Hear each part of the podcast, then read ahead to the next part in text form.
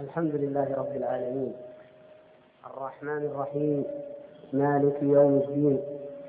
وصلى الله وسلم وبارك على عبده ورسوله وحبيبه وخليله الأمين محمد وعلى آله وصحبه الطيبين الطاهرين. أما بعد فهذا هو اللقاء الثالث في المحضن التربوي الثالث للحديث عن عمل قلبي عظيم هو المحبة. ونحن في اللقاء الأول كان الموضوع عن أهمية أعمال القلب عامة وكان اللقاء الثاني عن العمل الأول من أعمال القلب الذي اخترناه ليكون الأول وهو اليقين. والليلة إن شاء الله الحديث عن العمل الثاني وهو المحبة. والمحبة عمل عظيم. فهي كما سنبين إن شاء الله تبارك وتعالى مما يجب على كل مؤمن أن يعتني به وأن يعرف حقيقته وأن يحققه لرب العالمين تبارك وتعالى كما شرع لنا وكما علمنا رسوله صلى الله عليه وسلم. والمحبة يا إخوتي الكرام لها علاقة عظيمة وثيقة بالإيمان وبالعبادة. فأما علاقتها بالإيمان فإن أصل الموضوع هو الحديث عن أعمال القلب كما تعلمون. وعمل القلب جزء من الإيمان الذي هو عند أهل السنة والجماعة قول وعمل. فالقول قولان والعمل عملان. وإذا أردنا أن نحدد كما حدد شيخ الإسلام رحمه الله في رسالته القيمة النافعة التحفة العراقية في الأعمال القلبية فإننا نقول إن هذا الإيمان أو الدين الذي هو قول وعمل لكل قسم من قسميه أصل.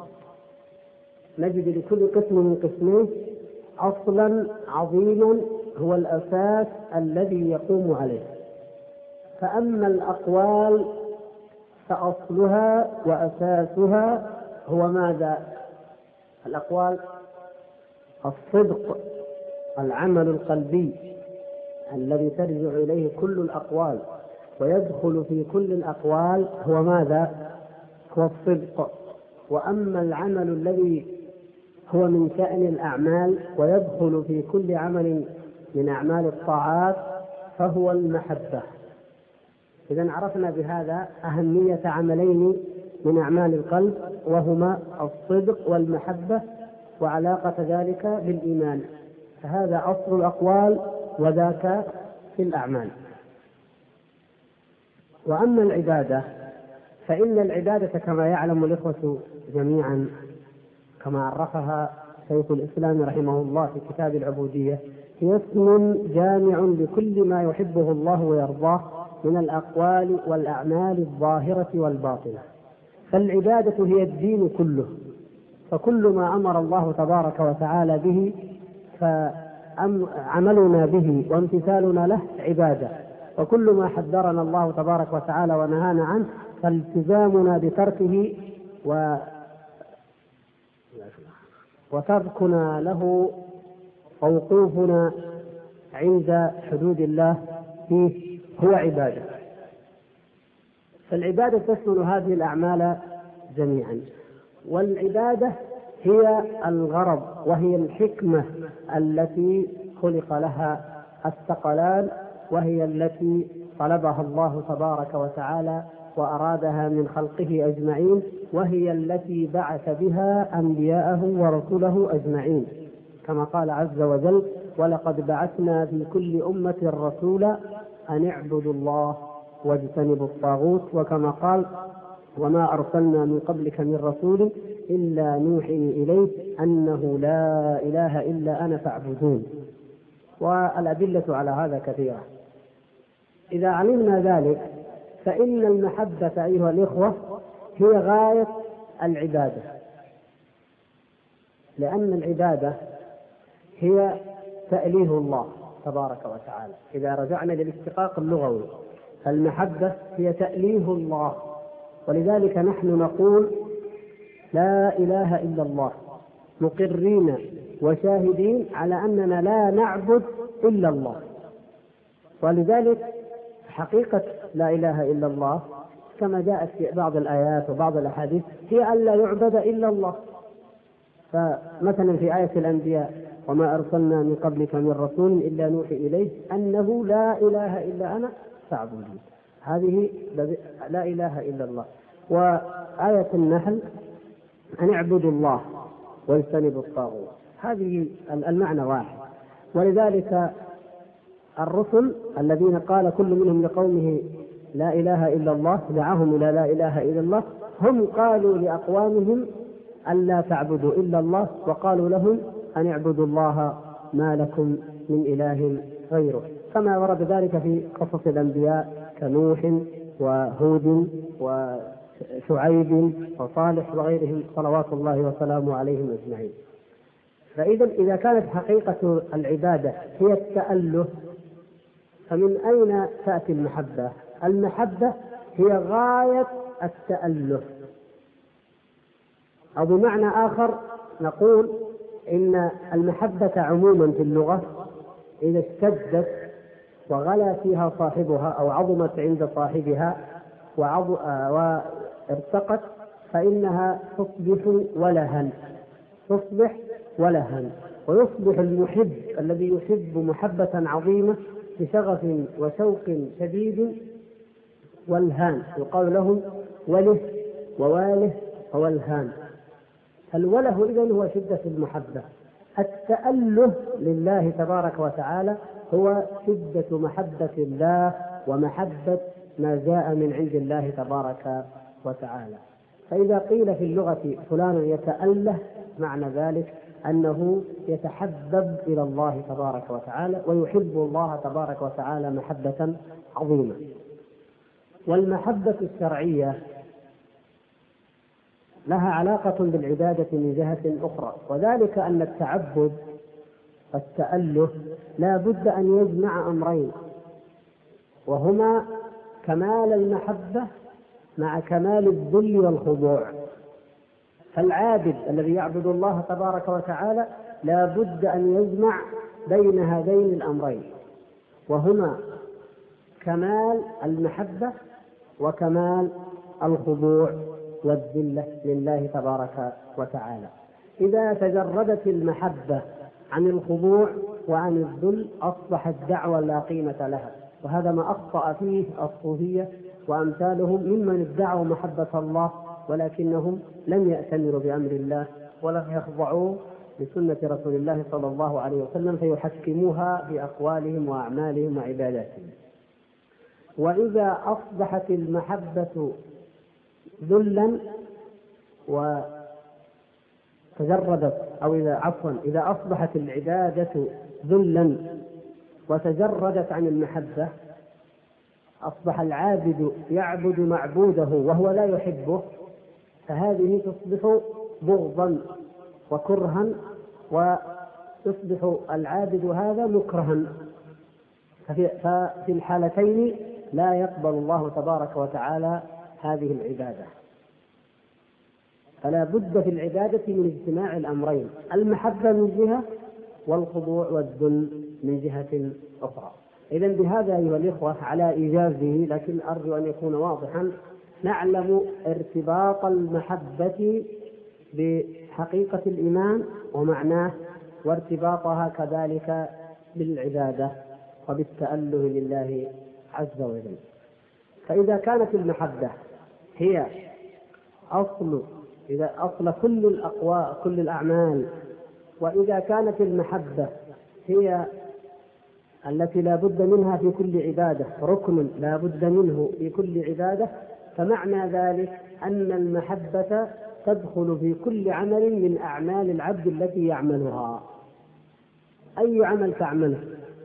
إن ذكرت الله تبارك وتعالى أو صليت أو صمت أو قرأت القرآن أو حججت أو اعتمرت أو تصدقت أو أي عمل عملته فلا بد أن يكون ركن المحبة وعنصر المحبة متوفرا فيه.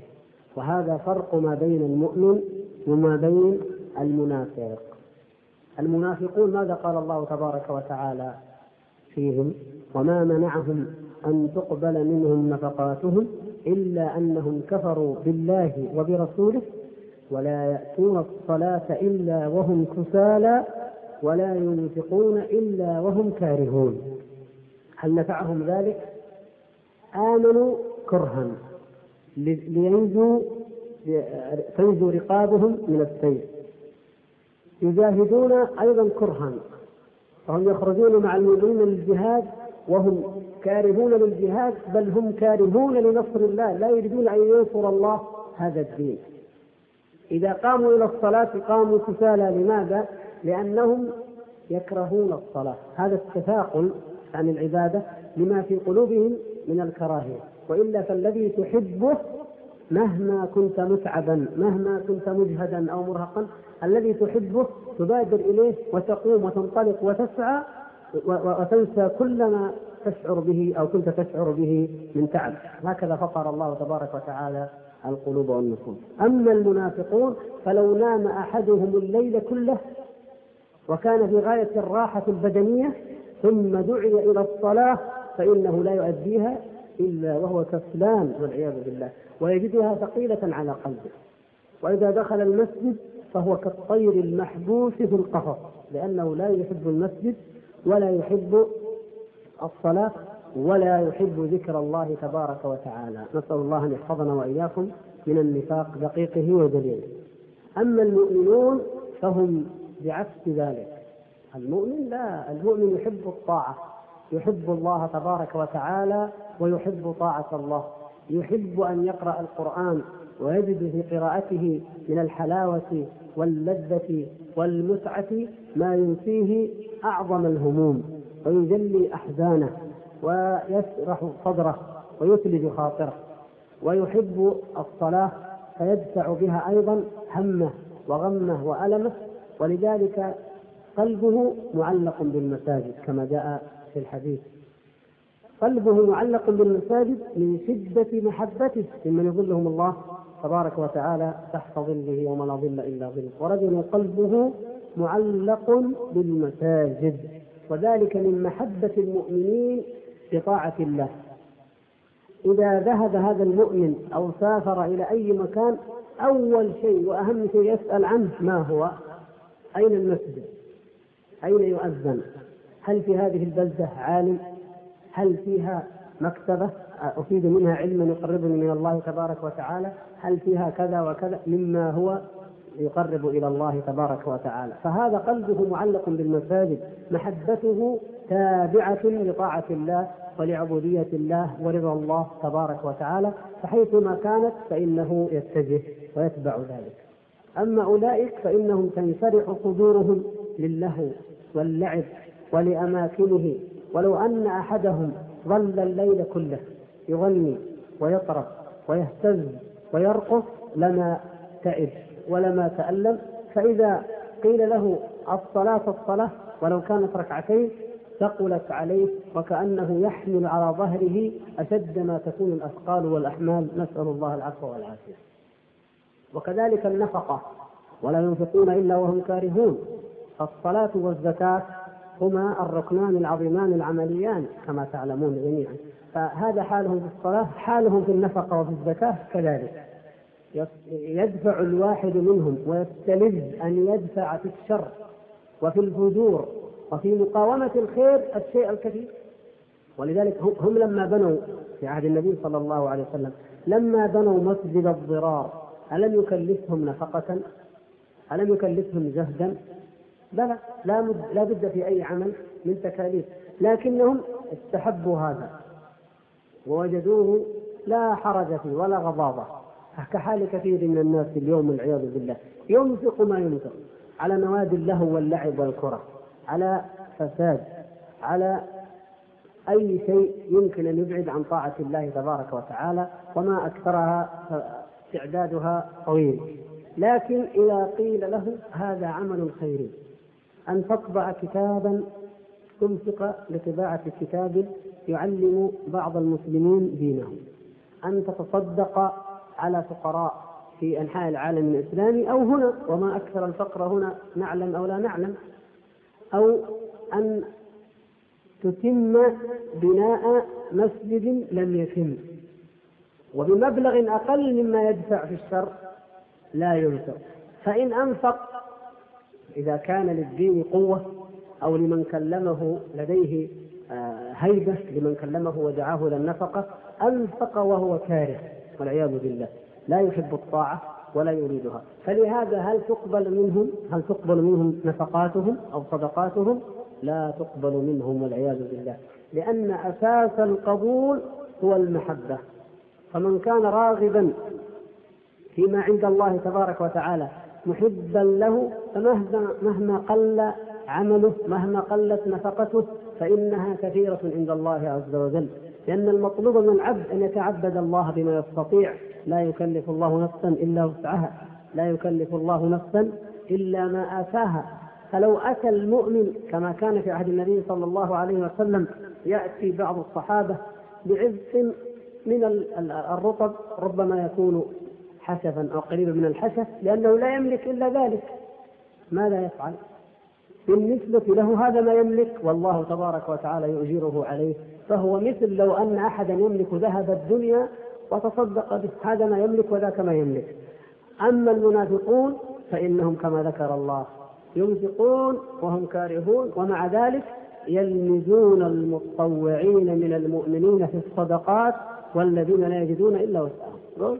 لو فلان لو أنه إذ لم يأتي إلا بهذا العبق الرديء لو لم يأتي لكان خيرا كما يقول كثير من الناس اليوم. إن كانت الدعوة بس كذا بلاش. إن كانت الموعظة كذا بالطريقة هذه لا تتعب نفسك. إن كان المركز بالشكل هذا بلاش ارتاحوا منه. مثلا وأنت قدمت ما في وسعك. غرضهم ليس أنك أنهم يريدون الأفضل لا. الغرض الطعن واللمز والهمز الذي هو من أعظم صفات المنافقين والعياذ بالله لأنهم يكرهون الطاعة. ويكرهون من يعمل بطاعة الله تبارك وتعالى. ثم إن محبة الله أيها الإخوة الكرام هي كما أشرنا ذكرنا من كما تفرق يفرق المؤمن عن المنافق بها كذلك يفترق المؤمن عن المشرك وعن الكافر. والله تبارك وتعالى يقول ومن الناس من يتخذ من دون الله أندادا يحبونهم كحب الله والذين آمنوا أشد حبا لله. الكل يقول إنه يحب الله لكن المشركين إن أحبوا الله خلطوا ذلك بمحبة آلهتهم. فالمؤمنون أشد حبا لله من محبة الكافرين لله ولآلهتهم إن كانوا كما يدعون أنهم يحبون الله. إذ ليس في إمكان أي متأله أن يقول إنني لا أحب الله. كل متأله يزعم أنه يحب الله وإن كان مشركا. المشركون الأولون يقولون نحن نحب الله. والمشركون المعاصرون أيضا في هذا الزمن يدعون ذلك. لكن فرق بين المحبة الإيمانية وبين تلك المحبة التي شابه وخالطها الشرك فبطل عمل صاحبها والعياذ بالله. وها هنا أيها الإخوة الكرام ها هنا في الحب أو في المحبة والتعظيم والإجلال وفي الطاعة والتشريع وقع الشرك من الناس كما ذكر ووضح ذلك ابن القيم رحمه الله في المدارس. الناس الذين أشركوا بالله تبارك وتعالى قديما لم يشركوا به في ربوبيته فيجعلون خالقا خلق كخلقه أو خلق معه. أو يجعلون رازقا يرزقهم من دونه أو معه. أو مدبرا يدبر الأمر ومن يدبر الأمر فسيقولون الله كما في آية يونس هم يقرون بهذا لله. إنما كان تركهم وعدلهم وتسميتهم في المحبة والإذلال والتعظيم والطاعة والتشريع. كما يدل على ذلك القرآن. المحبة كما في هذه الآية. وكذلك بالنسبة للطاعة أو للتشريع كما في قول الله تبارك وتعالى اتخذوا أحبارهم ورهبانهم أربابا من دون الله. فهؤلاء لما اتبعوهم وأطاعوهم في تحليل الحرام وتحريم الحلال فجعلوهم كذلك. إذا إذا آه، الشرك في المحبة شرك عظيم. وأصل عبادة كل معبود هي محبته كما ذكرنا. فالذين أحبوا ودا وسواعا ويغوث ويعوق ونسرا والذين أحبوا المعبودات والمألوهات من دون الله تبارك وتعالى إنما غلوا في محبتهم تلك.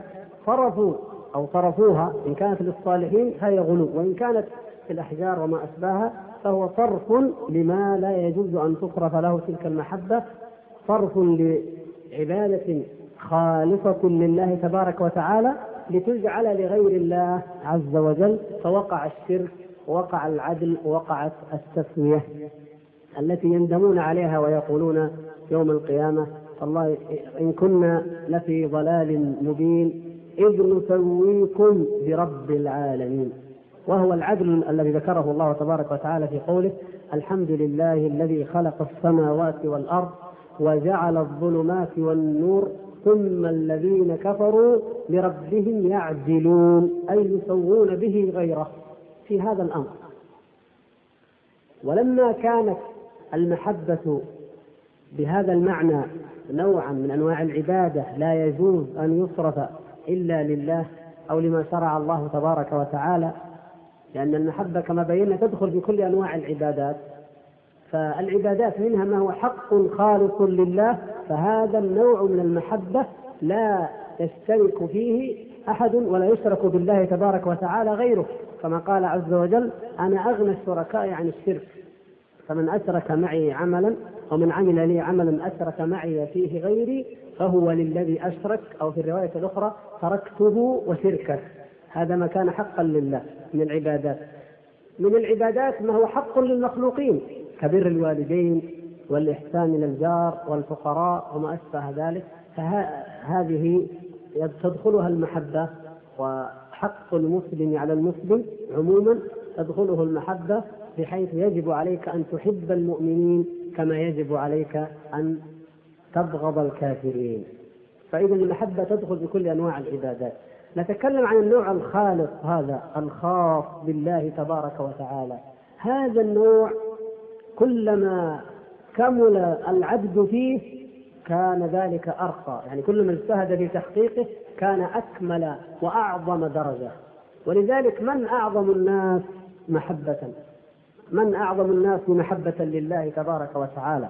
من الذي كمل في العبودية أو كمل في المحبة حتى بلغ الدرجة العليا من العبودية لله عز وجل؟ من؟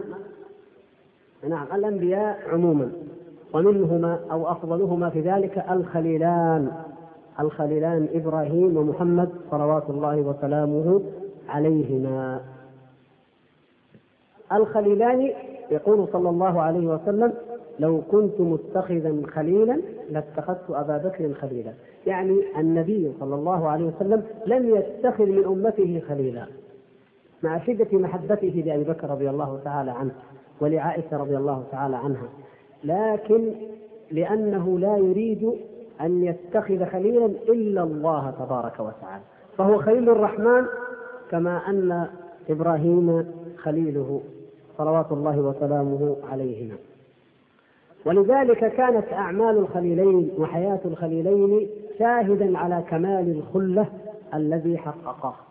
فإن إبراهيم عليه السلام لما ابتلاه الله بأن يترك ابنه وزوجته في هذه الصحراء القاحلة بواد غير ذي زرع ويذهب ويرجع إلى بلاد الشام ولا يترك معهما شيئا توكل على الله وأيقن وصدق وذهب وتركهما.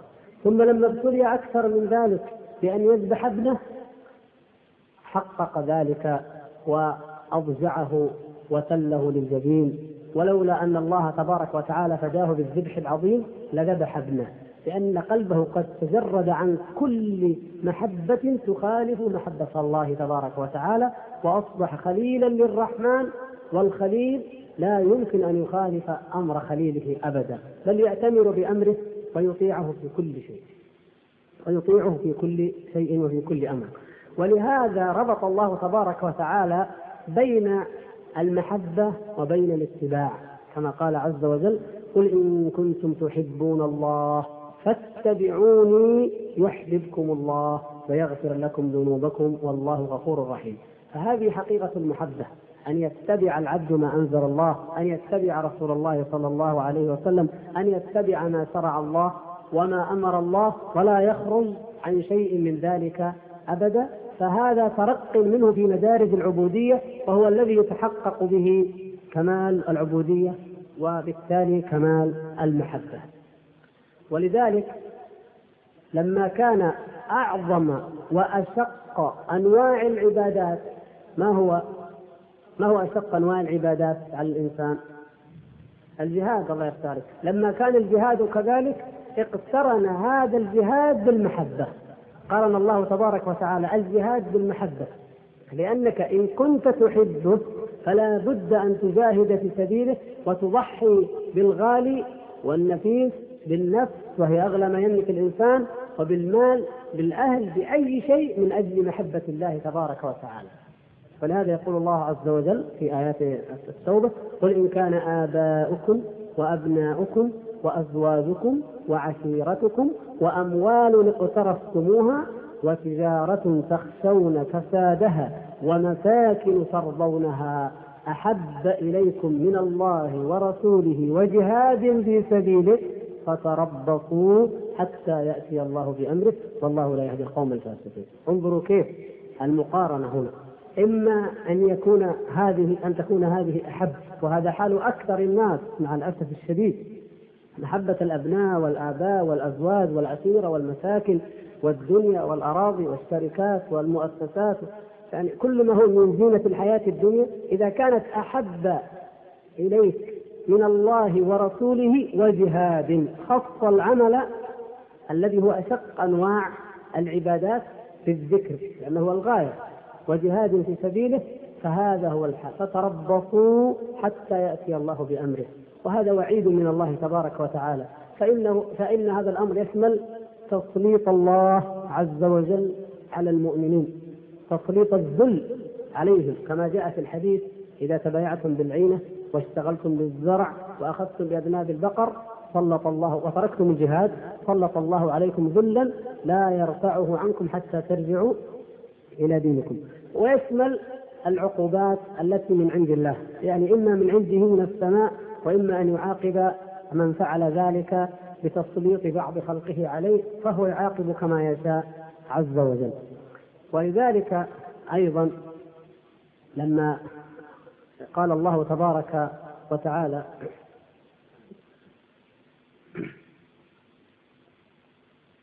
لما قال عز شأنه يا أيها الذين آمنوا من يرتد منكم عن دينه فسوف يأتي الله بقوم يحبهم ويحبونه. انظروا هذه الصفة العظيمة. أول ما ذكر يحبهم ويحبونه أذلة على المؤمنين أعزة على الكافرين يجاهدون في سبيل الله ولا يخافون لومة لائم. انظروا كيف. لأنه جمع بين المحبة وبين الجهاد في سبيل الله يعني محبة.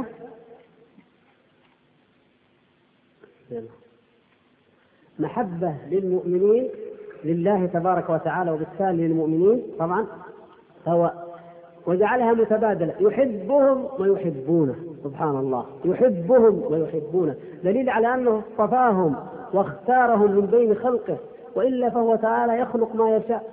كل هذا الكون بيده والكل في ملكه وفي سلطانه عز وجل وكل ما ترى أعين أعيننا وإن من شيء إلا يسبح بحمده ولكن لا تفقهون تسبيحهم لكنه اختار هؤلاء فهو يحبهم ويحبونه محبة متبادلة فهو عز وجل ودود وهو أيضا يوده المؤمنون موجود بالنسبة لهم فهو يحب ويحب وهو القول الذي لا يجوز الذهاب إلى سواه. هذا قول أهل السنة, أهل السنة والجماعة أن الله يحب ويحب بخلاف من أنكر ذلك والعياذ بالله من غلاظ القلوب والأكباد. من الجهمية وأمثالهم من المؤولين كالأشعرية الذين ينكرون أن الله يحب أو يحب. يحبهم ويحبونه. هذا أول أول أمر. علاقة مع الله. العلاقة مع الخلق تتعلق بماذا؟ بالذل للمؤمنين والعزة على الكافرين. هذه هي العلاقة الصحيحة أي التي هي صفة من يختاره الله. إذا ارتد الناس عن دينه فإنه يختار ويصطفي هؤلاء. هذه الصفة الثانية هي شأنهم. أما لو كانوا يحبون والعياذ بالله الكافرين ويكرهون المؤمنين هؤلاء لا يمكن أن يصطفوا أو أن يختاروا بل هم ممن يهلك هم ممن يشمله الوعيد الذي في آية التوبة. ثم الجهاد يجاهدون في سبيل الله. لما كملت محبتهم لله وكمل ولاؤهم للمؤمنين لا بد أن يجرد السيوف لمقاتلة أعداء الله الذين يبغضون الله ويبغضهم الله تبارك وتعالى والذين يبغضون المؤمنين ويبغضهم المؤمنين ولا يخافون لومة لائم لأنهم يأمرون بالمعروف وينهون عن المنكر ويقولون كلمة الحق ولو خافوا في الله لومة لائم ما قالوا الحق. وهذه سنة واضحة. كل من خاف الخلق في الله لم يقل كلمة الحق أبدا. لأن أهواء الناس تخالف ذلك. إن تكلمت في الأخطاء والانحرافات والضلال الذي يقع فيه الحكام والسلاطين هذا لا يعجب الحكام ولا يرضيهم. وإن تكلمت فيما يقع فيه التجار من المحرمات المعاملات المحرمة وما أشبه ذلك لا يرضي التجار. وإن تكلمت فيما يقع فيه طلاب العلم مثلا غضبوا عليك. وإن تكلمت فأي أيما طائفة من الناس خالفت أمر الله ودين الله أمرتهم بالمعروف ونهيتهم عن المنكر لا يعجبهم ذلك. لذلك من صفات المؤمن أنه لا يخاف في الله لومة لائم. هؤلاء وليس أي مؤمن بل المختار الذي هو البديل لمن يرتد عن دين الله تبارك وتعالى ولا يقوم بحمل أمانة هذا الدين التي هي أعظم الأمانات وأثقلها. فلذلك كما آه، نعود بأس قفل أيوه. فلذلك اقترن المحبة اقترن الجهاد بالمحبة كما في تلك الآية الأخرى. وهذه هي حقيقة الملام.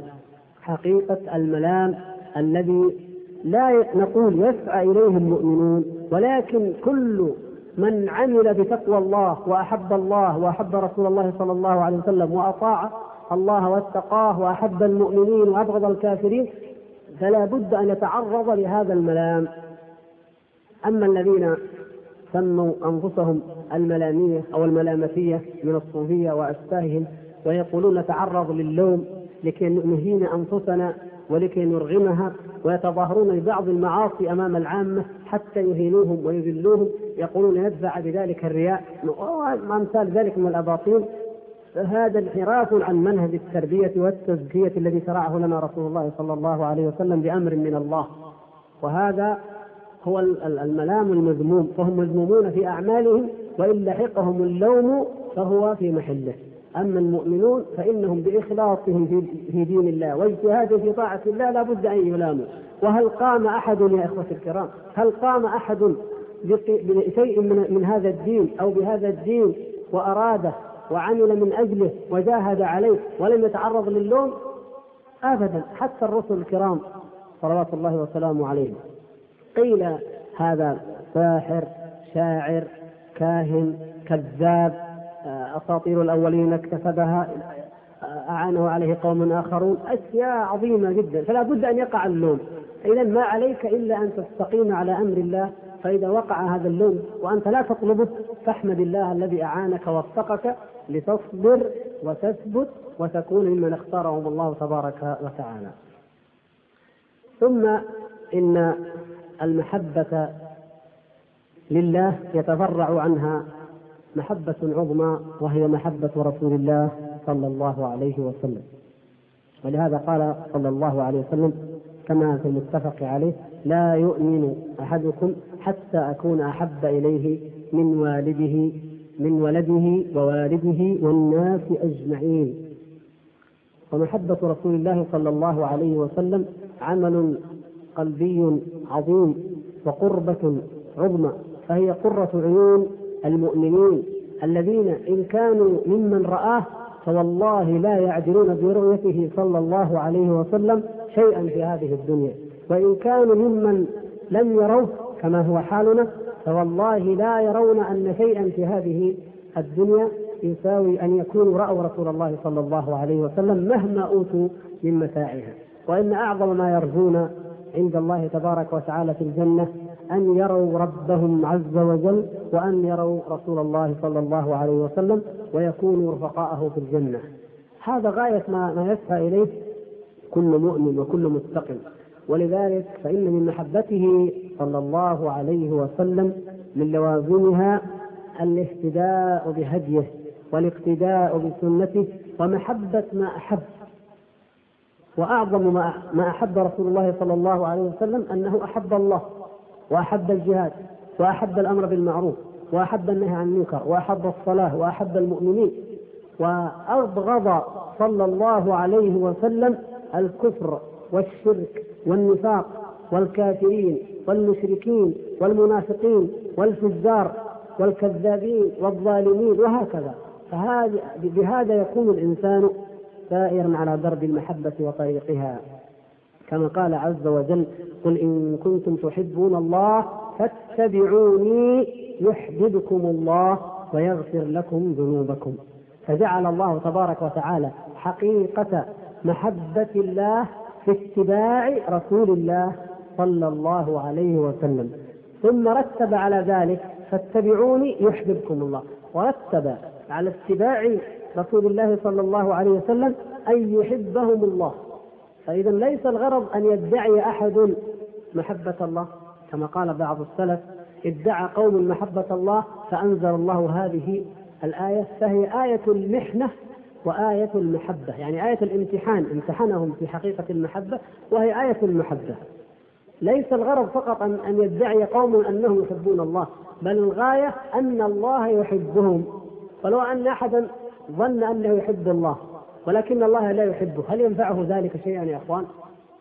الآن عباد النصارى الذين حجروا على أنفسهم في الاديره والصوامع وحرموا ما أحل الله يعتقدون ويظنون أنهم يفعلون ذلك قربة إلى الله وأن الله يحبهم.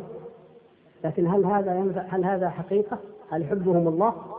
فلذلك لا ينفعهم أي عمل. الغرض من هذه العبادات حصول الثمرة وهو أن يحبهم الله.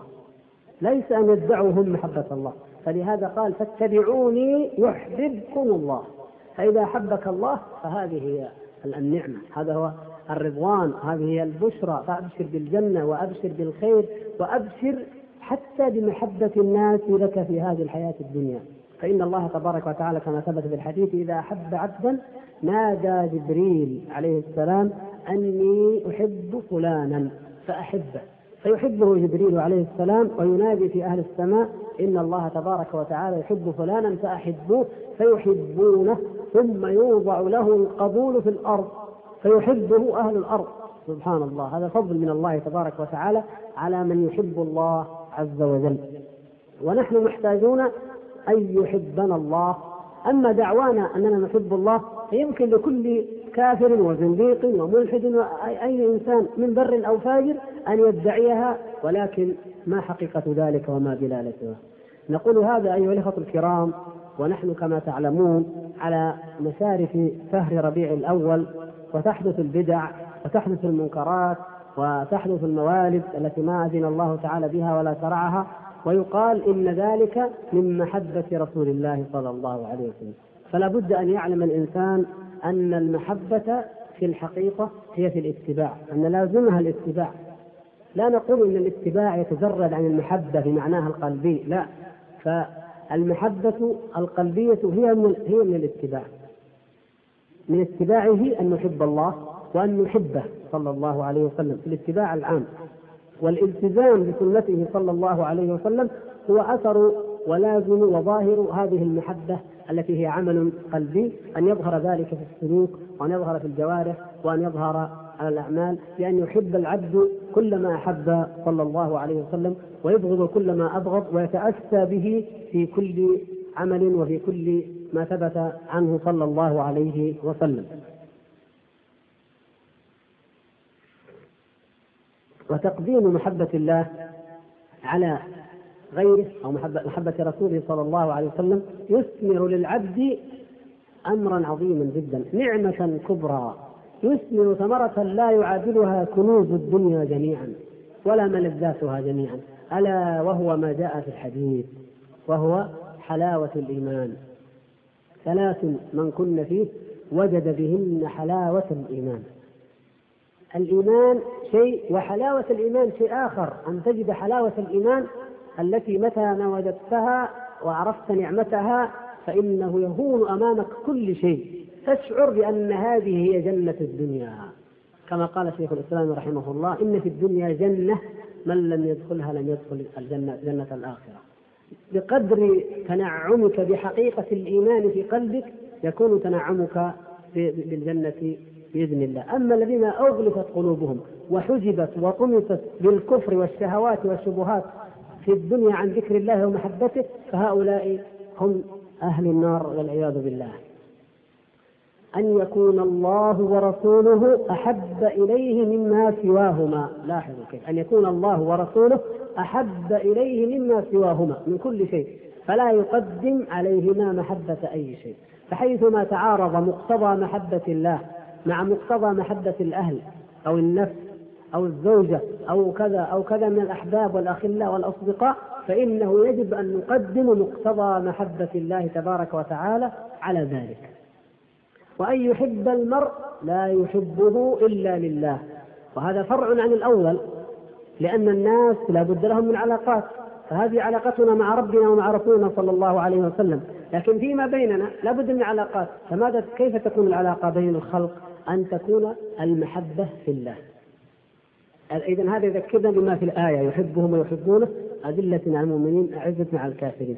كل الآيات والأحاديث دائما وكما أوضحنا مرارا في منهج أهل السنة والجماعة تترابط وتدل على معنى وحقيقة واحدة. وأن يكره أن يعود إلى الكفر بعد إذ أنقذه الله منه كما يكره أن يلقى في النار.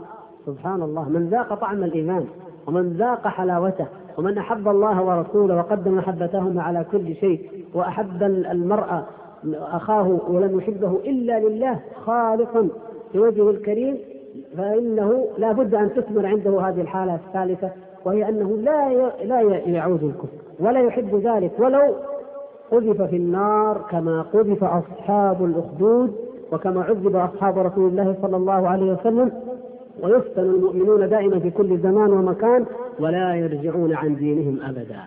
فبهذا يذوق العبد حلاوة الإيمان. ولهذا يجعل الله تبارك وتعالى من الذين يظلهم تحت ظل عرشه يوم لا ظل إلا ظله ورجلان تحابا في الله اجتمعا على ذلك وافترقا عليه. تجردت محبتهما من أن تكون عن هوى أو شهوة أو غرض مما يجتمع عليه الناس وهذه هي المحبة التي تدوم عند الله تبارك وتعالى. أما ما عداها فكل نسب وكل علاقة وكل صلة وكل محبة يوم القيامة ليست لله عز وجل فهي مقطوعة ويتبرأ بعضهم من بعض ويلعن بعضهم بعضا ويعادي بعضهم بعضا على مودتهم في الحياة الدنيا. الأخلاء يومئذ بعضهم لبعض عدو إلا المتقين إلا المتقين. فالمتقون أحباء في الدنيا وأحباء في الآخرة فيتحابون في ذلك. ولهذا ليس لم يكن عند الصحابة الكرام كما في حديث أنس الصحيح لم يكن عندهم أرجى من قوله صلى الله عليه وسلم المرء مع من أحب. الله أكبر. قالوا هذا أرجى ما سمعنا. المرء مع من أحب. فقالوا فنحن نحب رسول الله صلى الله عليه وسلم ونحب أبا بكر وعمر فنرجو أن نكون معهم. يعني إن لم نلحق بهم بأعمالنا فإننا نرجو أن نلحق بهم بمحبتنا لهم. وهذا أثر أو هذا يعني أثر محبة محبة الله وأثر تحقيق المحبة أنها تثمر لصاحبها علوا ورفعة في درجة لم يكن ليصل إليها لولا هذه المحبة. فإن قصر بك العمل يا أخي وكلنا كذلك فلا يجوز أن يقصر بنا عمل القلب إن قصر بنا عمل الجوارح من أن نجاهد كجهادهم أو آه، نأمر بالمعروف كأمرهم أو نتعبد كعبادتهم. من فضلك اقلب الشريف فإن قصر بك العمل يا أخي وكلنا كذلك فلا يجوز أن يقصر بنا عمل القلب.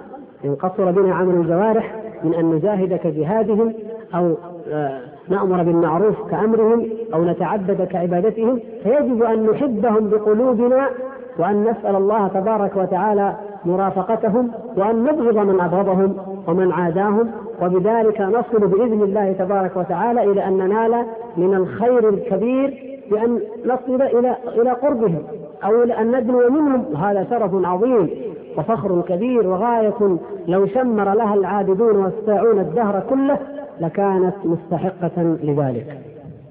فحقيقة المحبة إذا هي ما قدمنا من حيث علاقتها بالإيمان ومن حيث علاقتها بالعبادة ومن حيث أن المحب على الحقيقة لا يقدم أمرا ولا نهيا على أمر ونهي من يحبه وهو الله تبارك وتعالى.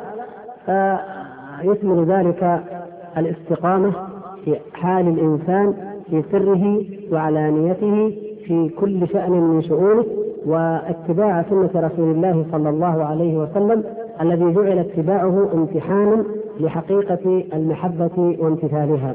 أسأل الله الكريم رب العرش العظيم أن يجعلني وإياكم ممن يحبهم الله ويحبونه وممن يقيم هذه الأعمال وهذه الحقائق القلبية الإيمانية في نفسه وأهله ومجتمعه ويدعو إلى ذلك إنه سميع مجيب ونترك بقية الوقت للأسئلة.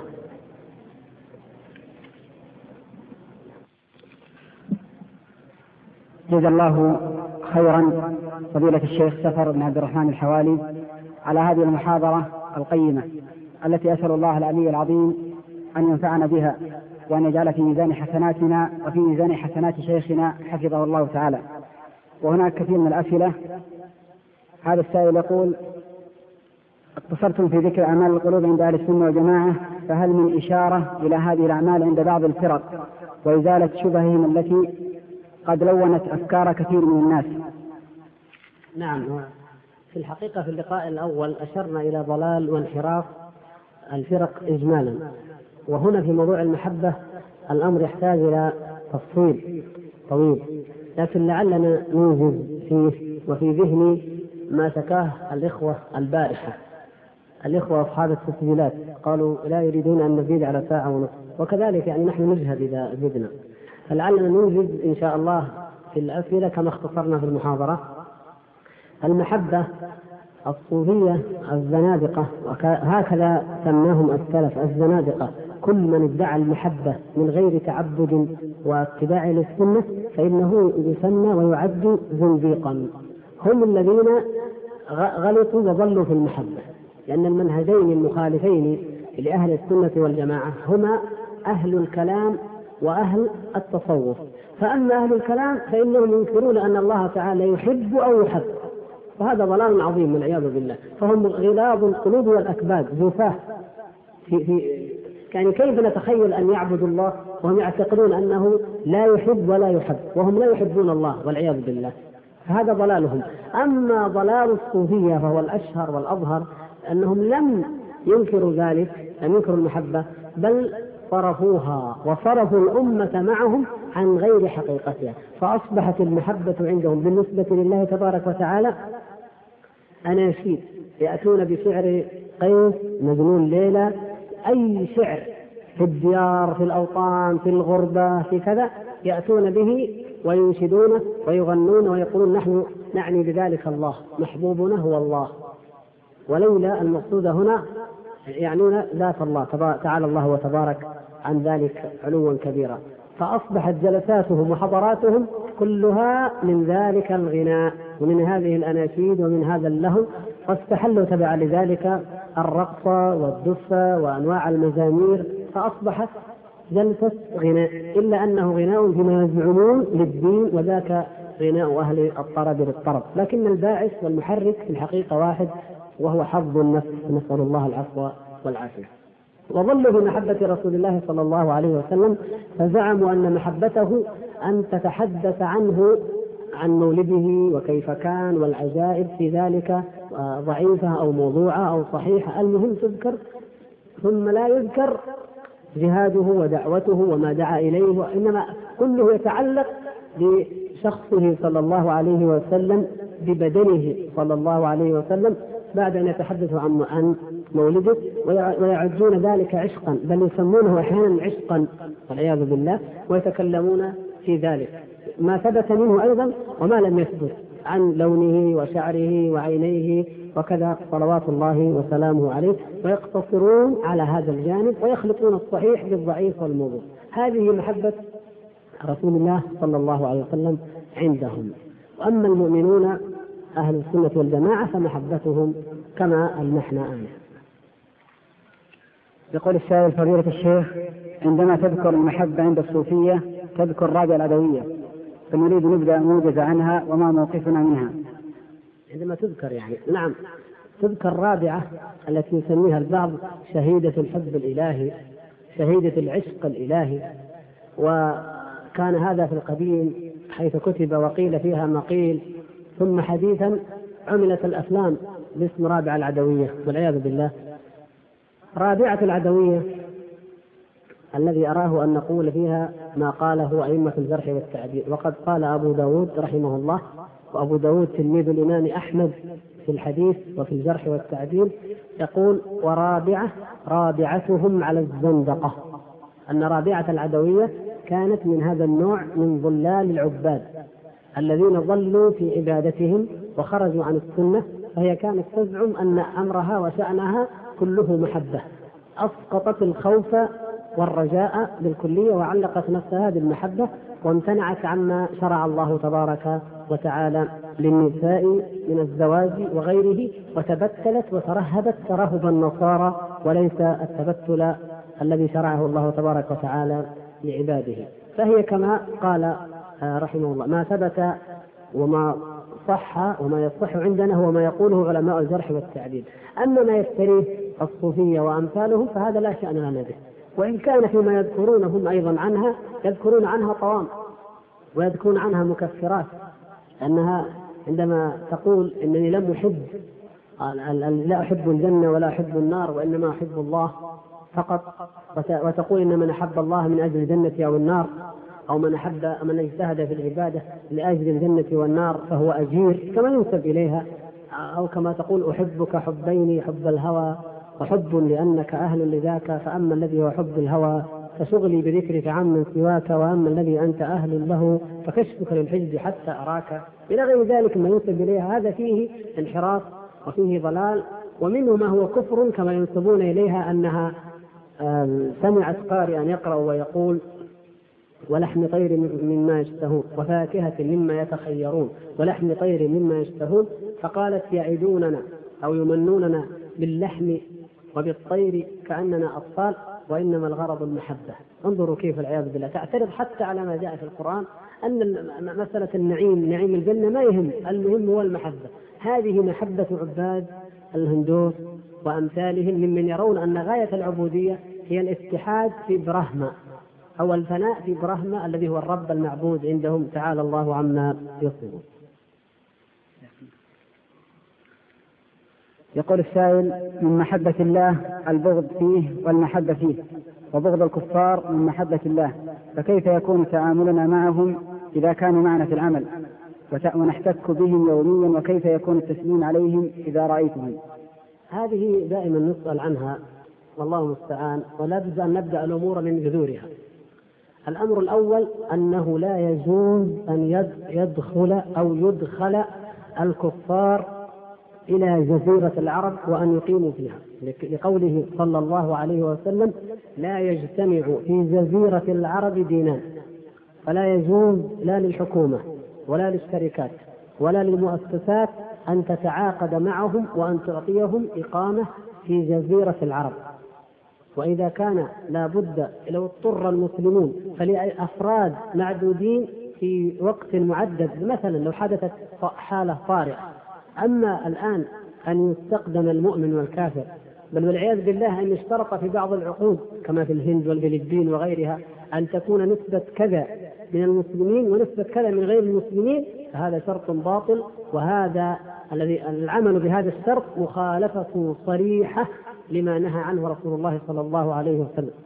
يعني مخالفة لأمر رسول الله صلى الله عليه وسلم بالإخراج من جزيرة العرب وألا يجتمع فيها دينان وهذا مما لم ينسخ قط فإن رسول الله صلى الله عليه وسلم قاله وحذر وأوصى في مرض موته صلى الله عليه وسلم وأنفذ ذلك خلفاؤه الراشدون وما علمنا في تاريخ المسلمين لا في تاريخ الخلفاء الراشدين ولا الأمويين ولا العباسيين ولا من بعدهم أن كفارا استوطنوا هذه البلاد جزيرة العرب وأقاموا فيها إلا مع قدوم الاستعمار الغربي الخبيث وأول ما ابتدأوا بمناطق معينة في الخليج وكان الذي يأتي منهم إلى جدة يكون في غاية الخوف ثم لما فتح الله علينا بهذه النعمة وامتحننا وابتلانا بهذه الثروة جئنا بهم واستسهلنا ذلك وأصبح كأنه أمر عادي لا حرج فيه نسأل الله العفو والعافية. وهذا من الذنوب والكبائر التي قد توجب غضب الله ونزول عقابه والعياذ بالله والناس يستهينون بها. الخادمة كافرة والعامل كافر والمحاسب كافر والمدير كافر. مشكلة ومصيبة تقع في كثير من الإدارات أن يولى الكفار على المسلمين. فهذا والله مناقض لما سمعتم في الآية من أنه يجب أن تكون الذلة للكافرين من المؤمنين والعزة للمؤمنين. أما أن أن تكون الأمور بالعكس وأن يتسلط الكافر على المسلم فهذا لا يرضي الله تبارك وتعالى أبدا. طيب وقد ابتلينا بهم ما العمل؟ نتعامل معهم لما من شأنه إن شاء الله أن يفتح قلوبهم للحق إن رأينا أن ذلك يجزي وينفع فالمعاملة الحسنة مطلوبة من الإنسان والعدل مطلوب منه حتى مع هؤلاء الذين هم كفار والذين لا يجوز أن يؤتوا به إلى هنا لكن المعاملة الحسنة والاجتهاد في إتقان العمل وغير ذلك من الأمور التي يمكن أن يفتح الله تعالى بها قلوب بعضهم ليهتدوا. هذا أمر طيب. أما ما شرعه الله من ترك البدء بالسلام عليهم واضطرارهم إلى أطق الطريق وترك أكل آه، أكلهم أو ذبائحهم خاصة إن لم يكونوا من أهل الكتاب أو كانوا أهل الكتاب لكن لم يذبحوها وغير ذلك من الأمور العملية فهذه وإن كانت مشروعة في الأصل لأهل الذمة وأهل الذمة موضعهم بلاد الشام ومصر وأمثالها فإن أيضا هذه الأحكام تسري هنا ما دام أنهم قد جاءوا وإن كان الذين هنا ليسوا بأهل الذمة ولا ينطبق عليهم ذلك العقد يقول السائل فضيلة الشيخ ذكرتم في محاضرتكم أن الذي يقوم إلى الصلاة ويجدها ثقيلة عليه ليس بمؤمن ويكون فيه صفة من صفات المنافقين. ونعلم أن الصبر ثلاثة أنواع صبر على طاعة الله وصبر على معصية الله وصبر على أقدار الله. المؤلمة فهذا الذي يقوم إلى الصلاة ويجدها ثقيلة. ألا يكون هذا من الصبر على طاعة الله؟ ثم أن الله سبحانه وتعالى يقول كتب عليكم القتال وهو كره لكم فهذا القتال طاعة لله وعبادة ومع ذلك هو كره على نفوس المؤمنين فكيف تكون المحبة شرطا في العبادة؟ إيه، نعم. يعني هذا الأخ اختلط في ذهنه مقدمة العمل ونتيجته حتى الإيمان جاء رجل إلى النبي صلى الله عليه وسلم كما روى الإمام أحمد بن مسند فقال له صلى الله عليه وسلم أسلم أسلم آمن. قال أجدني كارها. قال أسلم ولو كنت كارها. حتى لو كنت كاره. أرغم نفسك على الحق وقل أشهد أن لا إله إلا الله وأن محمدا رسول الله. فإذا فعل ذلك فيجب أن يحب الإيمان.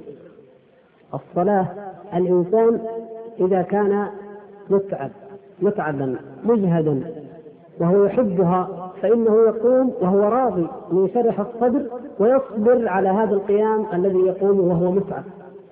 فلا تعارض بين هذا وهذا. لأن الباعث والمقدمة للعمل هي المحبة التي يجب أن تكون دائما والصبر ينتج عنها. ينتج عن صبر ينتج عن محبتك لهذا العمل أن تصبر عليه وإن كان مؤلما لأنك تحبه وتريده بقلبك. القتال كره نعم. تصبر على ذلك وتحب هذا العمل لأن الله سبحانه وتعالى شرعه فتكون قد امتثلت أمر الله.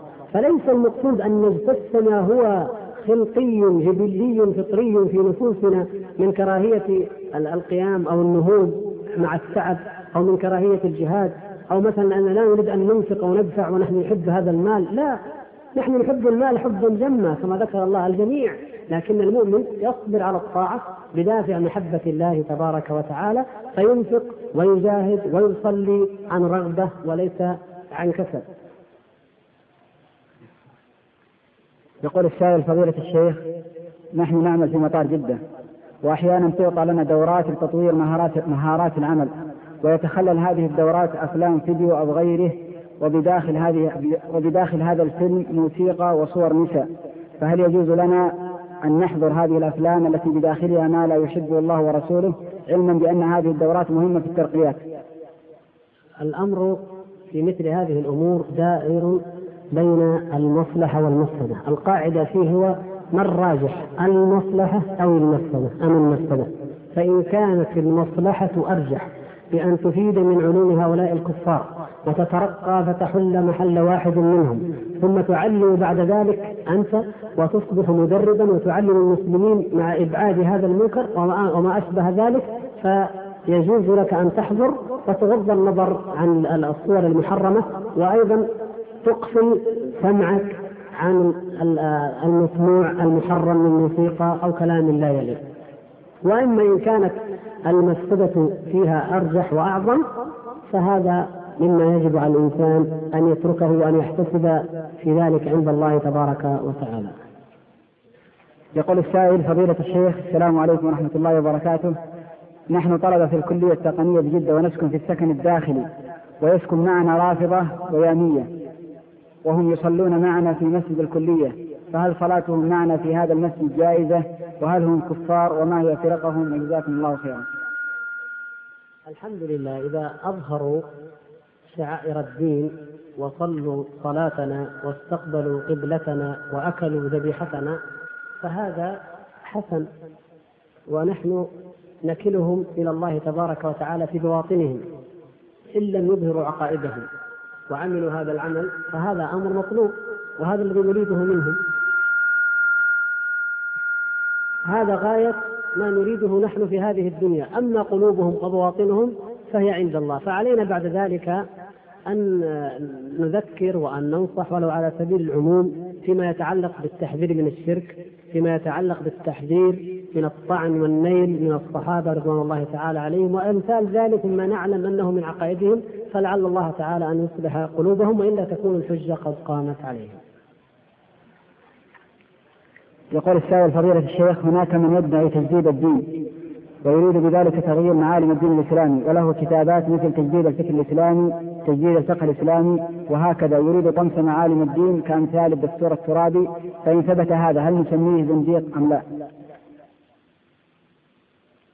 هو الأصل أن من حرص وظل في هذا الباب بحيث يحسب أنه يمكن أن يأتي من تجديد الدين وتجديد أصوله لا تجديد العمل به لا تجديد الإحياء إحياء الدين لكن من يعتقد ويظن أنه يمكن أن يأتي من تجديد أصول الدين وحقائقه ما لم يشرعه لنا الله على لسان رسوله صلى الله عليه وسلم فلا شك أنه زنديق ولا شك أن الزنادقة بهذا المعنى كثير قديما وحديثا. أما إطلاقه على فلان بعينه هذا يحتاج إلى تحر وإلى تثبت. ولا بأس أن يطلق على أفكاره أنها أفكار ضالة ومضلة أو أفكار زندقية أو ما أشبه ذلك. لكن إطلاقه على فلان باسمه وبعينه يحتاج إلى تثبت ولا سيما إذا كان ممن آه، ضعفت صلته وعلمه بهذه الشريعة من جهة وضعف من يقيم الحجة عليه من جهة أخرى. ومن أكثر ما يسبب الضلال عند بعض هؤلاء العصريين أو العصرانيين كما يسمون. من أكثر ما يدفعهم إلى الضلال أقول ذلك مع الأسف الشديد أنهم لا يجدون من أهل السنة والجماعة من يقيم الحجة الكافية عليهم. علمهم محدود ضحل بل علمهم غربي محض ولهم اطلاعات عابرة على الشريعة. ثم يجدون هنالك مثلا في أوروبا وأمريكا حيث ينتشر هذا المذهب أكثر يجدون شبابا يحبون السنة ولكن لا يفقهون من الأصول ومن قواعد أو من قوة الحجة والإقناع والمناظرة ما يقيمون به الحجة عليهم فيقولون إن هؤلاء جزئيون أو شكليون أو ظاهريون أو ما أشبه ذلك من التهم التي يلصقونها بأهل السنة والجماعة المتبعين منهج السلف الصالح ويزيدهم ذلك اقتناعا بشبهاتهم وبضلالهم. نسأل الله العفو والعافية. والواجب على علماء الأمة وعلى دعاتها محاربة هذا الفكر الهدام والتصدي له والكتابة عنه فهو خطير ومهم جدا. سواء سمي تجديدا أو عصرنة والأستاذ جمال سلطان له كتابات مفيدة في هذا وهي موجودة الحمد لله ومتوفرة ويمكن لكل أخ أن يطلع عليها فاحرصوا عليها بارك الله فيكم. هذا السائل يقول فضيلة الشيخ إني أحبك في الله.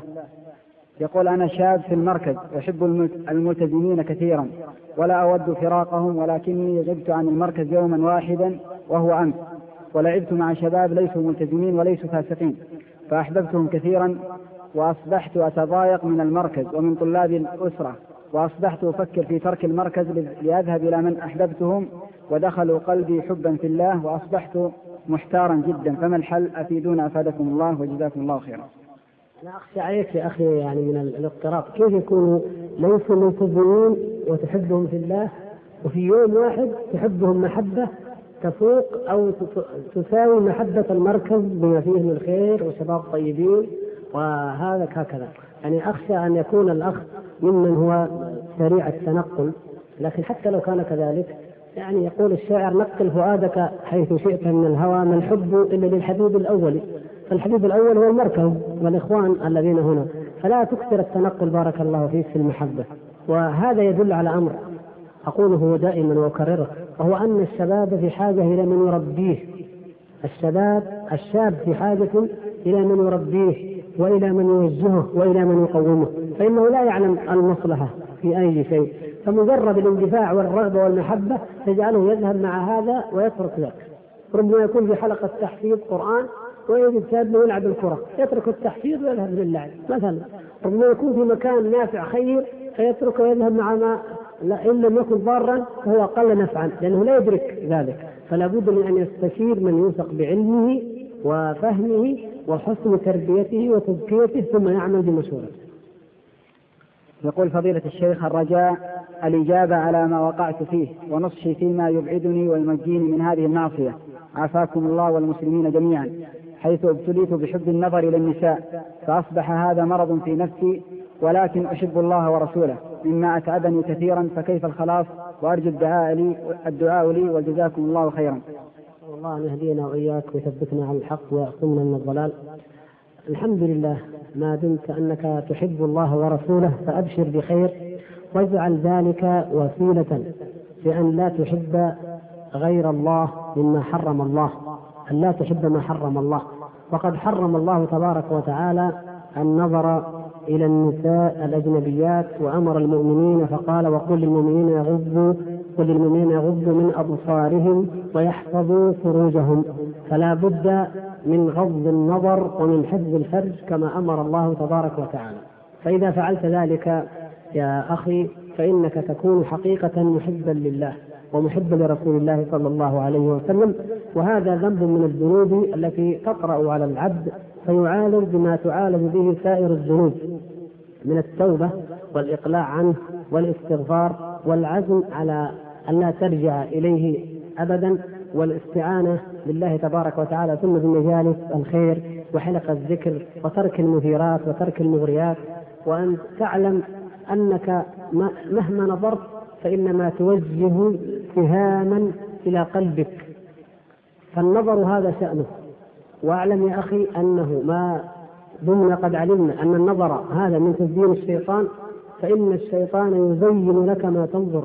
حتى أنك لو رأيت أو نظرت إلى من حرم الله فتعلق قلبك بها ولكنك لو تزوجتها مثلا بالحلال لكانت أقل بكثير في عينك مما لو كنت تنظر مما كنت تراها به أو عليه والنظر إليها حرام مثلا.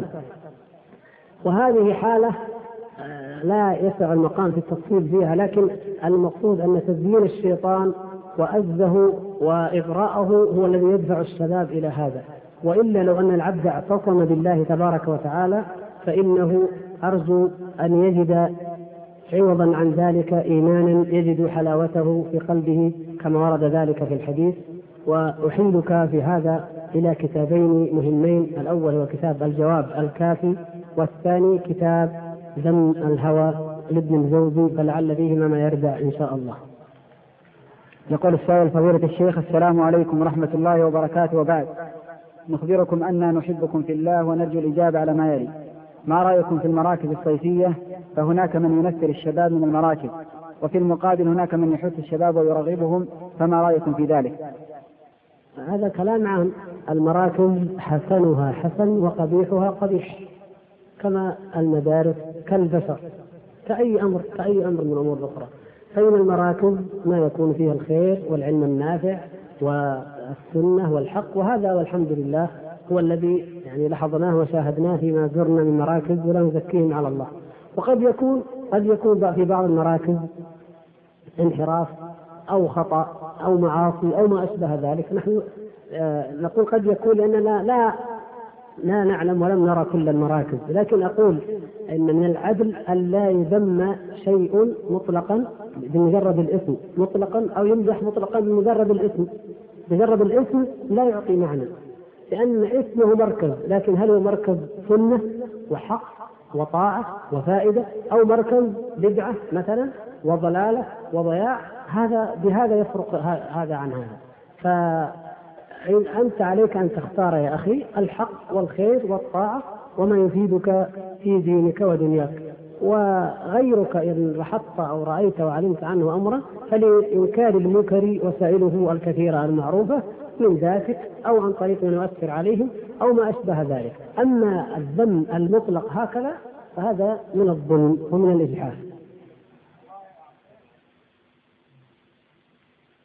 يقول السائل فضيلة الشيخ السلام عليكم ورحمة الله وبركاته. يقول هناك بعض طلبة العلم ومن الذين لهم القيادة بين الشباب ولكن المشكلة هي أن بين هؤلاء الشباب أي طلبة العلم بينهم من البغضاء والشحناء ما يشيب الرأس. فهل من كلمة توجيهية؟ وجزاكم الله خيرا. هذه هي الحالقة كما أخبر صلى الله عليه وسلم لا تحلق الشعر ولكن تحلق الدين. وهذا هو التحريش الذي رضي به الشيطان بعد أن يئس أن يعبد في جزيرة العرب. وهذه البغضاء تولد قسوة القلب وجفوة في التعامل.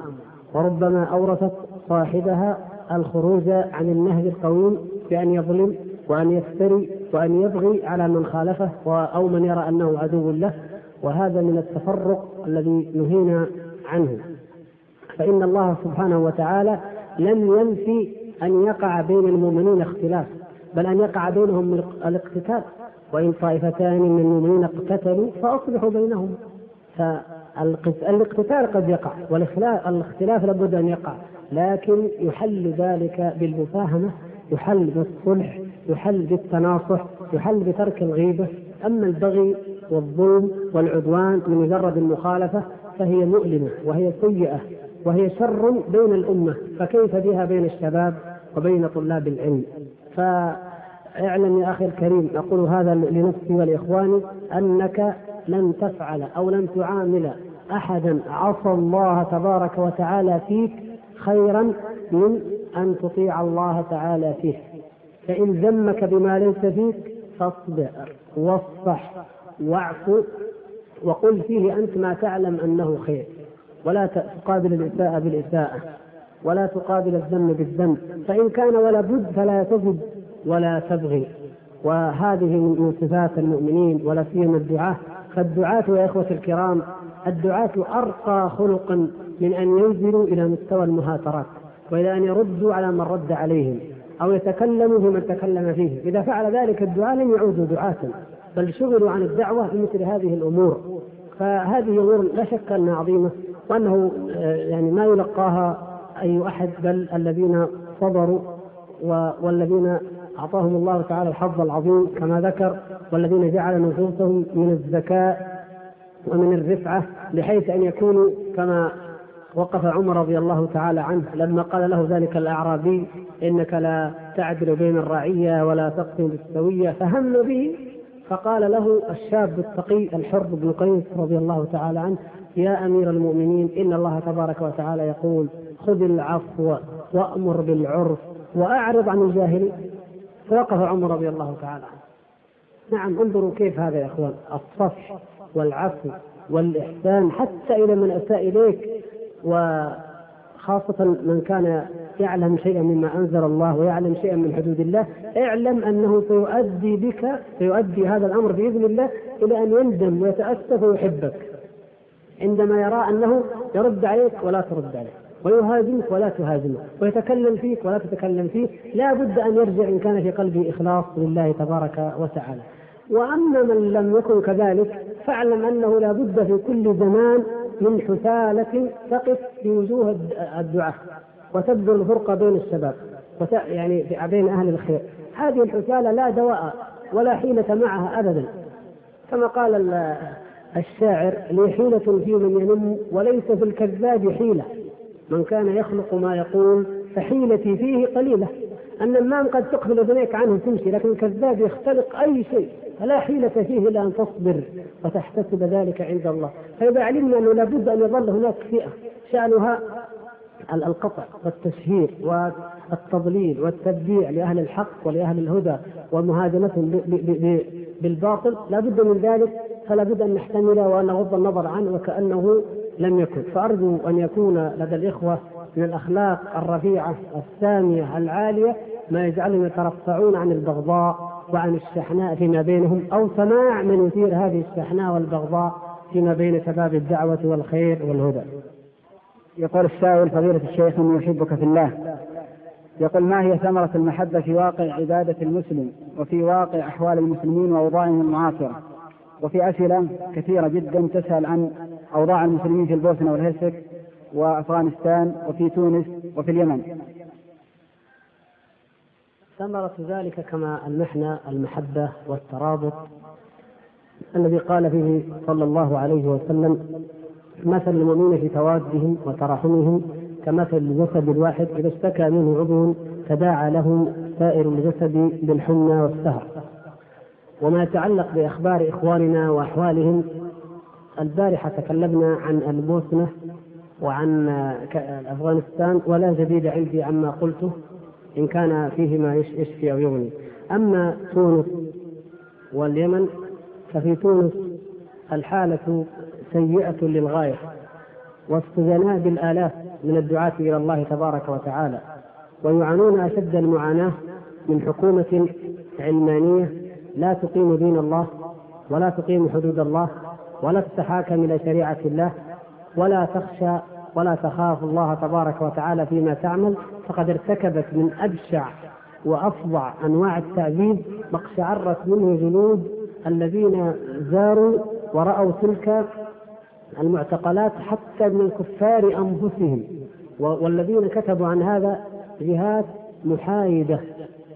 جاءت مما يسمى منظمات حقوق الإنسان وذكرت ما لا يطيق المؤمن أن يذكره ولا أن يسمعه من حال إخواننا المؤمنين المعذبين. هنالك نسأل الله سبحانه وتعالى أن يفك أسرهم وأن يفرج كربهم وأن يدير يجعل الدائرة على أعدائهم إنه سميع مجيب. والمحاكمات يمكن سمعتم ماذا نتج عنها؟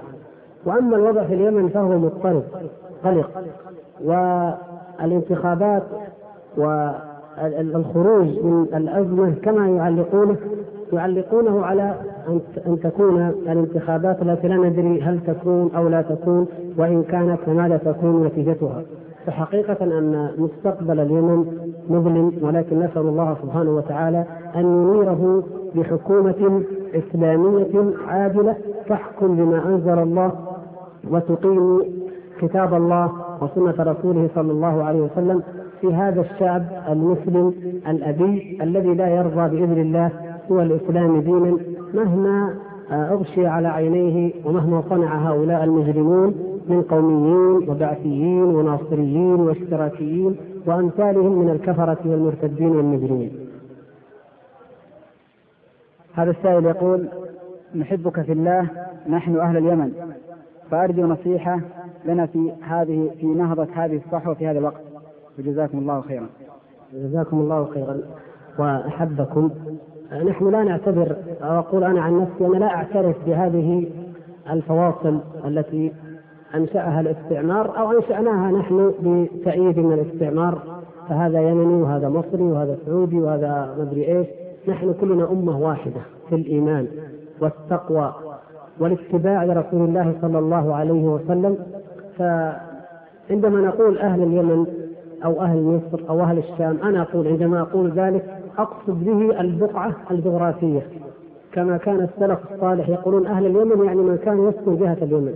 أما الحدود التي وضعها هؤلاء فنحن لا نعترف بها والجنسية عندنا جنسية الإنسان هي عقيدته. نصنف الناس بحسب عقائدهم لا بحسب بلادهم ومواطنهم. إن أكرمكم عند الله أتقاكم.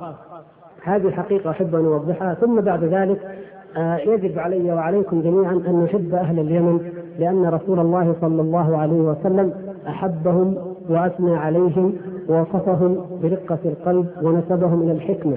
وهذا لا شك فيه مشاهد ملموس.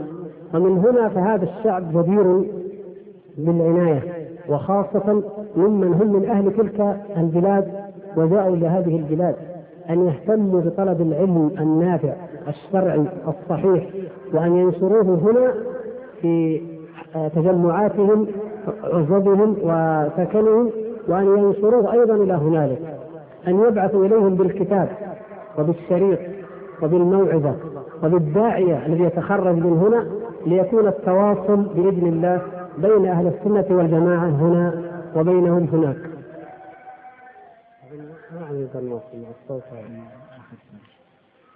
يقول فضيلة الشيخ هذا سؤال من شباب مركز الصديق يطلبون منكم توجيه كلمة لهم وجزاكم الله خيرا.